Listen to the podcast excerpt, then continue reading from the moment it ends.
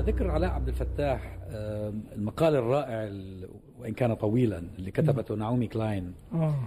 آه، نشر اولا في انترسبت وبعدين نشرته الجارديان صحيح. نزل له ترجمة عربي في موقع عربي 21 صحيح.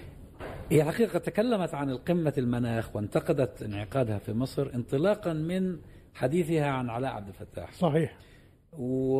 وفعلا أنت لما تقرأ المقال تشعر بأنه علاء عبد الفتاح من حيث يدري أو لا يدري أصبح أيقونة صحيح. آه، لدى المدافعين عن الحريات وحقوق الإنسان آه، حول العالم والمنتقدين للوضع الحقوقي آه، في مصر وأصبح بسبب معاناته بسبب وخاصة إنه هو يعني ما عملش حاجة يعني هو اتهم بأنه بينشر أخبار كاذبة أخبار كاذبة. يعني. بقى له 10 سنين تقريبا في عشر آه السجن. عشر سنوات آه. آه، لأنه هذا هذا هذه المعاناة جعلت الناس تسلط الضوء على معاناة 60 ألف معتقل يعني مش نعم. بس هو يعني. صحيح. آه، الحقيقة يعني هو هو بيلعب دور في غاية الأهمية من حيث ربما يدري أو لا يدري لا لا أدري. صحيح. هو لا شك إنه قضية علاء عبد الفتاح كانت مدخل مهم جدا للحديث عن آه، قضايا سجناء الرأي في مصر بشكل عام. وأنا يمكن كنت أشرت أيضا لواحد من أيقونات ثورة يناير آه، محمد ال- القصاص. وأيضا يعني أسماء كثيرة في الحقيقة. لا أريد أن يعني أنسى أحد يعني شخصية زي عصام سلطان. رئيس مجلس الشعب الدكتور سعد الكتاتني إلى آخره طبعا يعني أعداد ضخمة جدا يعني. كان يعني يفترض يعني أو بعض ال- الناس كانوا متأملين جدا إن النظام دوت يعني إيه يكون أعقل من من ذلك على اعتبار إنه القمة على الأراضي ال- آه، المصرية. فيقدم يعني بعض ال- يعني إيه العطايا اللي تخفف الضغط من آه، من عليه. لكن لا في الحقيقة النظام بي- بيزداد شراسة وبيزداد آه، عناد في في في مثل هذه القضايا. يعني لو تخيلنا مثلا النظام في بمناسبة آه، يعني هذا المؤتمر أطلق سراح مثلا آه، آه، خمسة ستة مثلا من رموز ال ال يعني الطفل السياسي المصري بشكل قصد متنوع. وأعداد مثلا الشباب البنات مثلا على سبيل المثال في السجون. إيه النظام ما فيش منطق ما فيش عقل موجود يقول هو بيحتفظ بال- بالبنات دي. يعني إيه التهديد اللي بي اللي البنات دي بتمثله عليهم يعني والسيدات؟ لكن هو النظام آه، يعني إيه واخد الموضوع نوع من الايه من ال- التحدي مع مع المجتمع. ولذلك أنا بتهيألي إنه هو ال- الحاكم المستبد. كلما أمعن في الاستبداد يصل إلى حالة من التأله. آه. فهو لا يبالي بشيء.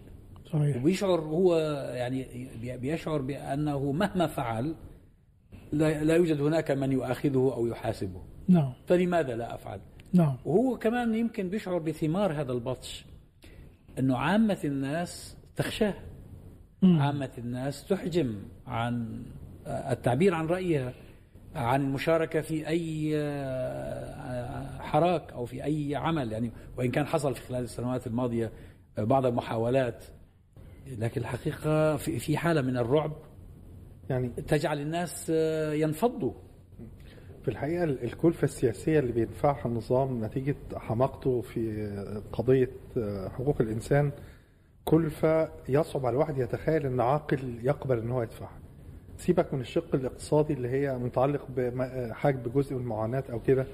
يعني قمة زي ديت مفيش أي شيء بيصار ضدها إلا الملف بتاع حقوق الإنسان. يعني امبارح 15 واحد من الحاصلين على جائزة نوبل في الأدب بيوجهوا رسالة للوفود اللي جاية إنها تضغط على النظام المصري إن هو يفرج عن آه، عشرات الآلاف من السجناء سجناء الرأي في سجونه. وضمنوا وبرضه صدروا اسم علاء عبد الفتاح. فلماذا كل هذه الكلفة؟ يعني خاصة إن المحبوسين ده, ده أنا مش هقول أفراد آه، زي ما أستاذ رضا قال لكن يعني حتى الناس اللي ما- اللي مسجونين ديت أغلبهم آه، مع استثناءات قليلة لو خرج محتاج آه، سنوات وسنوات ليرمم حياته الشخصية. دمار. صحيح. يعني وخاصة إنه هو مسجون يعني شوف أنت اللي مثلا اللي بيكون مسجون عند قوة غاشمة محتلة أجنبية آه، ربما نفسيا يشعر بأنه هو بطل لأنه آه، يعني الذي يضطهده ويقهره هو عدو غاشم جاء من الخارج. أبناء بلدك هم هم الذين يسجنونك هم الذين ينكلون بك هم الذين يعذبونك هم الذين يحرمونك من آه، من آه، ذويك ومن ف- فدمار نفسي الحقيقة في ملف صغير جدا يمكن لو النظام ده نظام عاقل أو في حواليه حد حتى من العقلاء بيرشده.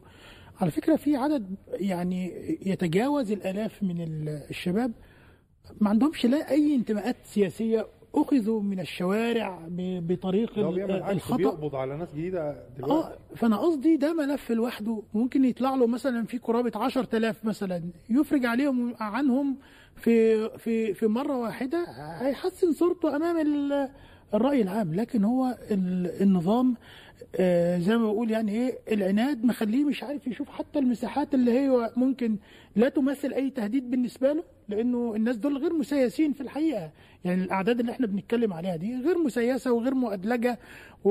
و... ولم تكن جزء من حالة الحراك ال... ال... آه، في الشارع أخذت قصدي يعني إيه. بطريقة اللي هو القبض العشوائي اللي بيحصل في الشوارع والميادين والى آخره فايضا ملف من من من من هذا النوع كان بوسعه إن هو يخفف الضغوط على أنا أعتقد إنه آه، يعني مصر مقبلة على آه، حالة من حالات الايه ال- ال- الفوران إن صح أيوه بس أنت بتستخدم كلمة ضغوط. الحقيقة هي ضغوط آه، غير فاعلة لأنها ضغوط من منظمات غير حكومية من أفراد مهتمين بالموضوع الحقوقي. لكن الحكومات نفسها ما بتضغطش عليه. يعني هو ما زال يتلقى قروض آه، تعقد قمه المناخ آه، في ضيافته. فهو لا يشعر بأنه في في في ضغوط حقيقية نعم. عليه. نعم. أنا أظن يعني إن في جزء من هذه السياسات مرتبط بأصل نشأة الوضع الحالي. يعني ال- ال- المنظومة الحالية مش هتكلم عنها اللي هي من يوليو لا اللي هي من 2013 هي جاءت من أجل أو بتنظر إن الشعب شارك في أحداث 2011 وفي الثورة. وأنه يحتاج للتأديب. هنا الإشكال ليس الإشكال مع الإخوان أو بعض الفصائل السياسيه يعني. أو أو شخصيات مؤدلجة. علي عبد الفتاح ما كان داعم ل 30 يونيو وداعم لعزل دكتور مرسي لم يكن ضد ذلك. يعني هو آه، الخيارات السياسية لم يكن في صدام مع الوضع الحالي ولكن هو كان أحد الرموز وغيره ل 25 يعني أحمد دومه آه، كان مؤيد ل 30 يونيو مؤيد لفض رابعه مؤيد لقتل الإخوان في الشوارع. وتم القبض عليه وحاليا بقى له 8 9 سنين وغيره وغيره وغيره. فهنا الحالة هي فكرة إن هذا الشعب الذي طالب بحقه في 2011 يحتاج أن يتأدب بما فيهم الأشخاص اللي أيدوا النظام بس كان لهم دور في 2011 آه، فبالتالي فهم هذه ال- ال- النقطة في ظني بيتيح فهم عدد من السياسات اللي إحنا بنشوفها. والجانب الثاني إن حتى في عهد مبارك في عهد السادات وحتى عبد الناصر اللي هو بدأ هذه المنظومة العسكرية كان بيستعين بقدر من السياسيين حواليه كمستشارين. يعني مبارك 30 سنة آه راجل عسكري كان جنبه أسامة ألباز جنبه آه، آه، فتحي سرور جنبه فلان. فبيحاول إنه يعني يسيس قراراته وإنه يراعي ال- الواقع الموجود. إنما إحنا حاليا اللي بيدير هي بالعقلية العسكرية. العقلية العسكرية فعلا في بعض الناس بتزعل بس دي الحقيقة. العقلية العسكرية تدير عمل عسكري يتلقى أوامر وينفذه. ليس أنها تقود مجتمعات و... وتزن الموقف الرأي العام وتداعيات هذا الموقف. لا هو العقلية العسكرية. كلاوزفيتز في فن الحرب فكرة تدمير الخصم سحق الخصم دي العقلية اللي بتسيطر عليه. صحيح. فلما يجي يتعامل مع شعب بهذا الأمر آه، ده بي يعني بنلاقيه بقى حتى في المستوى السياسي في الاقتصادي في الزراعه ما يجي راجل هو رئيس الدولة يجي يقول أنا مش سياسي قال كده بكلمة واضحة أنا مش سياسي. في مرة. طب إزاي أنت ماسك رئيس الدولة؟ يجي يقول إحنا عدد المواليد كبير عدد المواليد 200 مليون 300 ألف سنويا. بيقول إحنا عايزين ننزل هذا العدد يبقى 400 ألف سنويا. ويبدأ في قرارات فعلا للتضييق على الزواج وللتضييق على قدرة الناس على بناء المساكن عشان يقول إن المشكلة في الزيادة السكانية مش في الفساد ولا في الإنفاق الباظ عشان يقلل العدد. شوف حضرتك العقلية آه، مفيش رئيس بيجي يحسب يعني سابق عدى على مصر بدأ يفكر في هذه الأفكار العجيبة. إنما بتاع الجيش هو شايف إن البلد دي معسكر وبيشكلها زي ما هو عايز. يعني وباقي بس واللي يفتح بقه. آه واللي يفتح بقه آه حضرتك ده كان في آه، اعلان في المصري اليوم أنا قريته من أسبوع قال لك في حقن نازلة جديدة للرجال تعقموا 10 سنين وبيتكلموا يعملوا لها دعاية. المصري اليوم جريده في مصر ده حقيقي. مطروح دلوقتي. ففكرة إن هم دايما يقول لك الزيادة السكانية هو عايز فكرة إن قلل الناس دي 200 2 مليون 300 ألف تبقى 400 ألف. بتتكلم في 10% إزاي؟ طب في قرارات بقى اتخذها في بناء المساكن في التضييق على الزواج الثاني في في في, حاجات كتيرة جدا عشان يقلل إقبال الشباب على الزواج ويقلل العدد آه، طب ده بيؤدي لإيه؟ مشاكل اجتماعية حضرتك شايفينها في تحلل اخلاقي انتشار جرائم كذا كذا. فانا وجهة نظري إن هذه المنظومة خلاص هي فقدت استحقاقها للبقاء. لم تعد لديها عقلانية. فكرة حكم الشعب بعقلية الانتقام منه وتأديبه وزي ما آه، قال بعض الوزراء السابقين الناس اتدلعوا كتير ومحتاجين يتأدبوا هو ده اللي بيوصلنا لحالة الدمار الموجود. إحنا مش في ظل منظومة سياسية بتحسب التداعيات ده وبتحسب ال- ال- الرأي العام هيقول إيه وشكلي أنا هخسر بيه. لا هي عندها عقلية ديكتاتورية عجيبة. أي حد أي حد حضرتك أول امبارح في اللي هي نائبة رئيس تحرير الإذاعة والتلفزيون عاملة حساب مقفول على الفيسبوك انتقدت بعض الحاجات قبضوا عليها. آه، يعني سامي عنان لما يجي ينزل هيقول رئاسة راجل رئيس اركان اتقبض عليه. طب فين هنا حالة التسييس؟ أنا في الانتخابات الأولى 2014 آه، السيسي طلع الأول الأصوات الباطلة نمرة اثنين حمدين صباحي رقم ثلاثة. حمدين صباحي رضى لنفسه بهذا الدور للأسف اللي هو دور الكومبارس جينا في الانتخابات التالية أي حد قال هيترشح آه، أحمد كونسو عنان كذا أحمد شفيق اترحل في طياره ونزل واحد اسمه موسى مصطفى قدامه. موسى مصطفى كان بيقول أنا بدعم السيسي. هذه الهزلية. يعني حتى حسني مبارك يوم ما اتعمل انتخابات 2005 بقى في دكتور أيمن نور ودكتور نعمان جمعة جمعة وفي إيه؟ يعني شكل ديكور تكتمل به. بنسبة ما الواقع. إنما اللي إحنا شايفينه دلوقتي ده مش إدارة دولة بمستوى مصر. لذلك يعني البعض يقول لا السيسي مسيطر يا جماعة ومفيش أمل. بقول إن سنة ورا سنة الوضع بيزداد سوء سنة ورا سنة الوضع بيتدهور وإن منظومة الحكم العسكري هذه لم تعد تصلح لحكم البلد. في بعض المزايدين يقول لك إيه، طب هتغيرها إزاي؟ تغيرها إزاي دي قضية تانية انما أنا بتكلم على عالم الأفكار زي ما النبي عالم الأفكار والعالم المادي. أنا لما يترسخ عندي فكرة إن الناس حقها إنها تختار منظومة الحكم إنها تحاسب الحاكم إنها تعزله إن ما عادش فيه العالم كله بينقرض منه الحكم العسكري. هنلاقيه مؤخرا في مالي في بوركينا فاسو في بعض دول هي ما زالت حتى في طوق في طور نشوء الدولة بالمعنى القومي مش في مصر بعد يعني هذه العقود وبعد ثورة شعبية وبعد أجي أقول والله المنظومة دي هتنجح المنظومة دي هيزداد الوضع تدهور هيزداد الوضع دمار بعض التقارير الاقتصادية بتتكلم إن الديون دلوقتي 155 على نهاية العام الجاي مش عارف توصل انها ده 190 العام اللي بعديه 240 إحنا بنتكلم في حاجة يعني مذهلة. وهو الراجل بيطلع بمنتهى الصراحه يقول لك دراسات الجدوى اللي عملناها هتأخر شوية يعني شيء عجيب يعني الدنيا هو بيدمرها وشايف إن اللي هو بيعمله هو الصح برضه. انت كويس برضو انت عجيب انت, جدا. انت بتنقل عنه كلام آه، شبه مفهوم لكن في كثير من كلامه غير مفهوم على الإطلاق ما هو فلسفه ما بتبقى بعد كده. الترجمة بقى يعني يعني هو نسترجم يعني. هو بيعتبر طبيب الفلاسفة ف... بتستخف بال... بأي... بأي واحد غير ذاته يعني متجلية في السيسي بطريقة يعني في المؤتمر الاقتصادي هو اللي داعي الناس وافترض إن هو داعيهم علشان يعني يستمع إليهم فيروح في أول الكلمة بتاعته يقول الكلام اللي أنتوا قلتوه دوت أي طالب في أولى اقتصاد ممكن يقول. يعني حاجة يعني يعني الناس اللي حضرت ديت ما شعرتش بالإهانة؟ ما شعرتش بالاستخفاف؟ لما بيبص روح عليهم باعتبارهم المدني آه. اللي هنا. آه لو لما يروح يعني ويبص في عين ابنه كويس؟ يعني يعني هيقعدوا مع بعض ابنه هيحترمه إزاي؟ حاجة يعني شيء يجنن وبعدين. هو هو بيقول الكلام ده وهو نجح في إيه؟ آه ما هو أنا طالب في اقتصاد طب خليك أنت خلصت بكالوريوس اقتصاد وبعدين في الوقت معاك دكتوراه في الاقتصاد طب إيه إيه واقعك على الأرض يعني في عملت الوقت لي إيه؟ في الوقت اللي هو بيستخف فيه بدراسات الجدوى هو نفسه بيؤكد فشل هذا المنهج لما جه يتكلم على إن الناس ما راحتش مدينة دمياط الجديدة علشان هم الأساس. بتاعة الأساس على أساس ان إن دمياط الراجل قاعد في الورشة وبيته فوقيها فيعتبر قاعد طول الوقت في في الشغل. ويعني ما فيش انتقالات ما فيش ما فيش ما كناش عارفين الناس مش هتيجي. يعني هو في نفس الخطاب اللي يقول فيه في نفس ال- الكلام اللي لا يعتد بيه بدراسات الجدوى يدي ويقدم هو بلسانه إيش هذا للناس. إيش هذا المشروع؟ إيش هو؟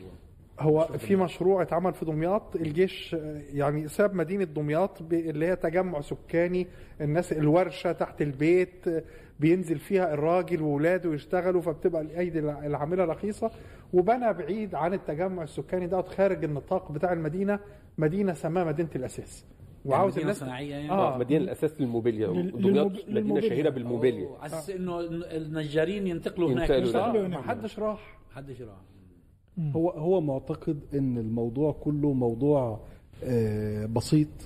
وإيه يا جماعة أنتوا عندكم إحنا إحنا بنوفر لكم المصنع أهو. إيه المشكلة؟ زي ما هو قال للراجل بالظبط في السويدي وهو بيتكلم مع السويدي قال له ما إحنا بنستورد أنت لسه هتعمل دراسة. أيوه. فإحنا إحنا فعلا بنستورد. ده يبقى يبقى إحنا محتاجينه. وطالما إحنا محتاجينه يبقى خلاص تستورده الموضوع- انت. الموضوع ما ما تعمله أنت هنا. ذو جدوى اقتصاديه وخلاص. يعني هو الراجل هو الراجل آخر اولى اقتصاد آخره كده يعني. تمام؟ فالراجل يعني بيقول إن دراسة الجدوى عبارة عن دراسة السوق والسوق موجود الحمد لله. يلا اشتغل. طب افرض يا سيدي ما كانش فيه آلات وما كانش فيه عمال مدربين هنحتاج ندربهم. نعم. هناخد وقت. دراسة الجدوى هتبين حاجات كتير. ما كانش فيه رأس مال. رأس المال ده هيرجع لي إمتى وعلى كام سنة؟ وما إلى ذلك. زي ما أنت قلت في دمياط إن ال- العامل ال- ال- الدراسة الاجتماعية أو دراسة البيئة حاجة مش البيئة مش البشرية اللي كانت. موجودة يعني البيئة الموجودة البشرية يعني. ما رضتش رفضت إنها تنتقل إلى مدينة الأساس ومن وممكن طب هو عنده ورشة طب ليه يروح يأجر بالمتر في مدينة نعم، الأساس الجديدة كده 600 ألف في الجديدة وهل كانت بالتقسيط. المشكلة من الأساس أصلا يعني المشكلة في دمياط كانت مشكلة أماكن لورش جديدة أماكن لمصانع جديدة ولا كانت المشكلة عبارة عن مواد خام ومستلزمات إنتاج وكل الصنايعية اللي في دمياط بيتكلموا في الكلام ده أنا أنا كنت عايز مصنع بويات أنا كنت عايز مصنع خشب آه، خشب أنا كنت عايز لو عمل المصانع دي لو عليهم المصانع دي بنفس الثمن. بنفس الثمن كان ممكن المشكلة تتحل فهي هي المشكلة إن هو أنا عايز أقول لحضراتكم يعني هو هو كمان بيورط نفسه مش بس بيورط ويضيع أموال. على سبيل يا ريت نفسه الواقع الحالي ده هو بيهدر الامكانات اللي ممكن تخلي فيه مستقبل. فكل ما يفضل فترة أطول كل ما المدة اللي بعديه مصر هتقعدها أكثر عشان تتعافى من ط- التدمير. طبيعي هو هو كل تصرف اقتصادي بيحصل دلوقتي بيؤثر على الأجيال المستقبلية ويمكن ويمكن إن هو ياخد قد يكون نصف قرن. علشان نقدر نسدد اللي علينا ونقدر نخرج من هذه الحلقة المفرغة اللي إحنا بقينا بندور فيها إلى حد كبير. أنا ممكن أدي لحضراتكم مثال سريع آه، على موضوع إزاي هو ببساطة حتى حتى في موضوع ملف القروض.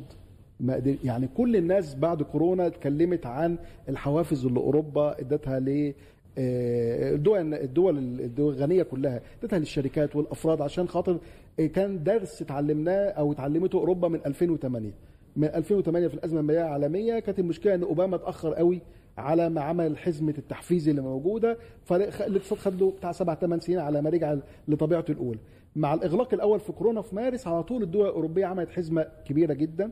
الحزمة دي كانت أكبر من طاقة السوق يعني رمت أموال في السوق تلال من الأموال. التلال دي عملت تضخم.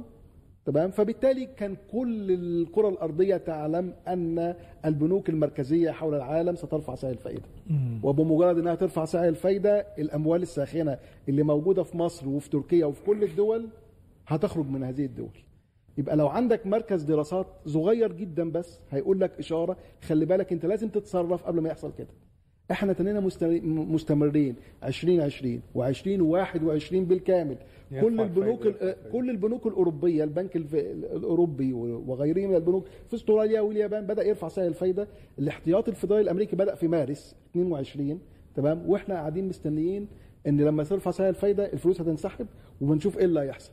لو كنت جيت في فبراير فقط فبراير في النصف الثاني من فبراير 22 خرج 20 ما يقارب 20 مليار دولار من مصر.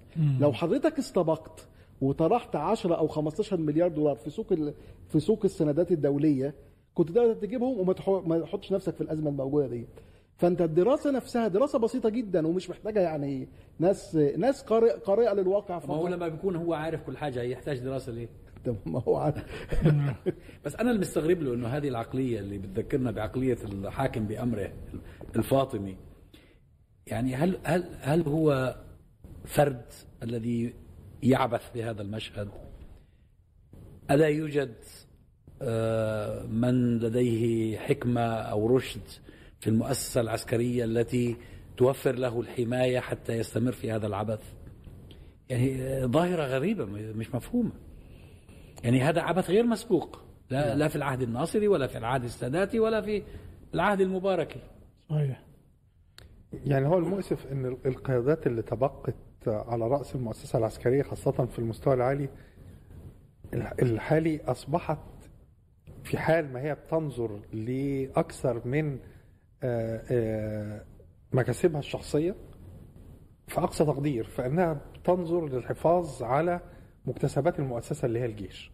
علشان كده مثلا نجد إن نقطة الخلاف اللي هي مثاره أو بيتناقل إنها مثاره بينهم وبين السيسي إيه موضوع إن المؤسسات الاقتصادية المملوكة للجيش تفضل تبعه ولا تتباع. واللي المجتمع إنما- الدولي بيطالب آه، بتخصيصها انما إنما مثلا ما سمعناش خلاف حوالين آه، اتفاقية ال- المبادئ الخاصة بنهر النيل مع إنها قضية أمن قومي. فلو في مؤسسة في البلد ممكن تدخل مع خلاف في خلاف مع الجيش بخصوص آه، قضية بالشكل ده مين غير الجيش؟ ففي القضايا الكبيرة آه، يعني آه، غايب آه، غايب من آه، يعني يمكن أن يختلف مع السيسي في مثل هذه القضايا. لا هو أنا بتهيألي في بعد آخر في الموضوع يعني هو معظم القيادات الموجودة الحالية أو كلها تقريبا يعني هي في الحقيقة السيسي هو اللي جابها. يعني آه، كل المجلس العسكري القديم اللي يعني هو أعاد بناء المنظومة. طبعا. السيسي بيعمل تغييرات في في المؤسسة العسكرية الآن بمعدل كل سنتين الحقيقة. آه، بيحل ناس مكان ناس يعني آه، المجلس العسكري ال- القديم. آه، لا أظن إنه تبقى منه أحد ال- ممدوح شاهين بس نعم. ممدوح شاهين فقط ممدوح شاهين القانونيه آه شؤون قانونية وإلى ذلك لكن كل المجلس ودول كانوا بيسبقوه في في الرتبة أو حتى الناس اللي كانوا اقرانه مثلا لو قلنا مثلا آه وزير الدفاع السابق صدقي صبحي آه أو حتى رئيس المخابرات الحربية ونسيب ال- السيسي محمود حجازي كل هؤلاء الناس أيضا ما بقوش موجودين. فلا هو في حد أعلى منه ولا في حد يساويه وبالتالي السيسي شايف نفسه فوق فوق الجميع فوق الكل يعني. ففكرة إن هو في ما في حد عاقل من شأنه التأثير على ال- السيسي لا لا يوجد. هو السيسي آه، بيشوف نفسه اللي هو يعني آه، ده آه، يعني آه، هبة ل- ل- للدولة المصرية. ربنا سبحانه وتعالى يعني وهبوا لل- للمصريين وبالتالي المصريين دول عليهم إن هم يحمدوا ربنا بكل طبقاتهم بكل تخصصاتهم بكل فهو شايف نفسه في هذه المساحة. فهو إزاي هيروح يعني يستشير بعض الناس أو يستجيب لبعض ال- الاستشارات؟ حتى الحديث ال- المتداول يعني لا أدري إلى أي مدى هو دقيق لكن كسلوك هو حاضر في بطبيعة الحال اللي هو ضباط الم- المخابرات اللي يقال إن هم استقالوا بصرف النظر عن الخبر ده دقيق ولا لأ إن هو أحد مشاكلهم إن هو بيرفعوا تقارير والسيسي لا ينظر في هذه التقارير أصلا هو بنفسه قال كده. من حيث المبدأ يعني. لما جت الواقعة بتاعت محمد علي لما تكلم عن القصور ال- الرئاسية فهو كان عاوز يطلع يدافع عن نفسه لأنه شايف إن هو ما يصحش إن حد يهاجمه يعني ما حدش يصح إن هو ينال من ذاته. فبيقول إن الجهات يعني يعني باست إيدي ده بتعبيره هو إن أنا ما أتكلمش في الموضوع دوت بس أنا قلت أتكلم. إيه. فهو يعني مش بس مش معتبر ال- الأفراد لا ده حتى المؤسسات اللي بيقوم عليها حكمه هو عنده إحساس إن هو زي ما قال في آخر خطاب كده إن هو البطل هو الأيقونة. فينبغي إن هم يقفوا في ظهره. يعني ينبغي إن هم يكونوا رهن إشارته ينبغي إن هم يكونوا بيخدموا عليه فقط يعني. صحيح. والله أي مصيبة حلت بمصر هذه. يعني آه، وطبعا أنت أنت ذكرت عبارة إنه هو يعتقد بأنه هبة الله لمصر. آه نعم. آه، وهو هبة السعودية والإمارات. آه نعم. وإسرائيل. آه. يعني على ذكر إسرائيل كان ملفت هرجع تاني لمؤتمر المناخ إن اللي أعلن إن بايدن هيحضر قمة المناخ كان رئيس إسرائيل قبل ما آه، البيت الأبيض يعلن بيومين. يعني فدوت برضه مؤشر على قد إيه العلاقة اللي بين ال- الطرفين بين السيسي وبين ال- الكيان ال- الصهيوني. آه، لدرجة إن هم اللي بيعل... يعني أنا كنت أفهم إن إن أمريكا اللي تعلن أو مصر حتى تعلن لكن أول من أعلن إن بايدن سيشارك في القمة وكان آه، قبل ما بايدن قبل ما أمريكا تعلن نفسها ب 48 ساعة كان هو رئيس اسرائيل أنت ذكرت إنه رئيس وزراء بريطانيا حيحضر. أنا كأني كنت سمعت إنه مش حيحضر تأكد حضوره؟ آه اليوم. آه أعلن اليوم. آه أعلن. لأنه من يومين قالوا إنه احتمال ما يحضرش. لا أعلن حضوره. نعم نعم. هو برضو آه، ال- البعد المرتبط ب يعني تساؤلات بين الناس. يعني بايدن مجيئه ده يعني تفسيره إيه؟ يعني على اعتبار إن هو كانوا الأمريكان عموما بيستخدموا في الحقيقة هذه المحافل الدولية للضغط على بعض الأنظمة لتحقيق مصالح في الآخر. هي بتصب في مصلحة الولايات المتحدة الأمريكية مش من أجل عيون ال- الشعوب يعني. وغيره من قادة الدول اللي هم اللي هم حضروا. لا شك إنه آه، يعني بايدن هو أيضا في الحقيقة في في وضع لا يحسد عليه أصلا يعني من هو من بايد- حيث المب- بايدن ينصح من قبل حلفائه آه، في الداخل والخارج بأن هذا الرجل يرعى مصالحنا. نعم. فنحن ينبغي أن نكون متواجدين ينبغي أن أن ندعمه قضية المناخ كانت قضية متقدمة في الدعاية الانتخابية اللي حملتها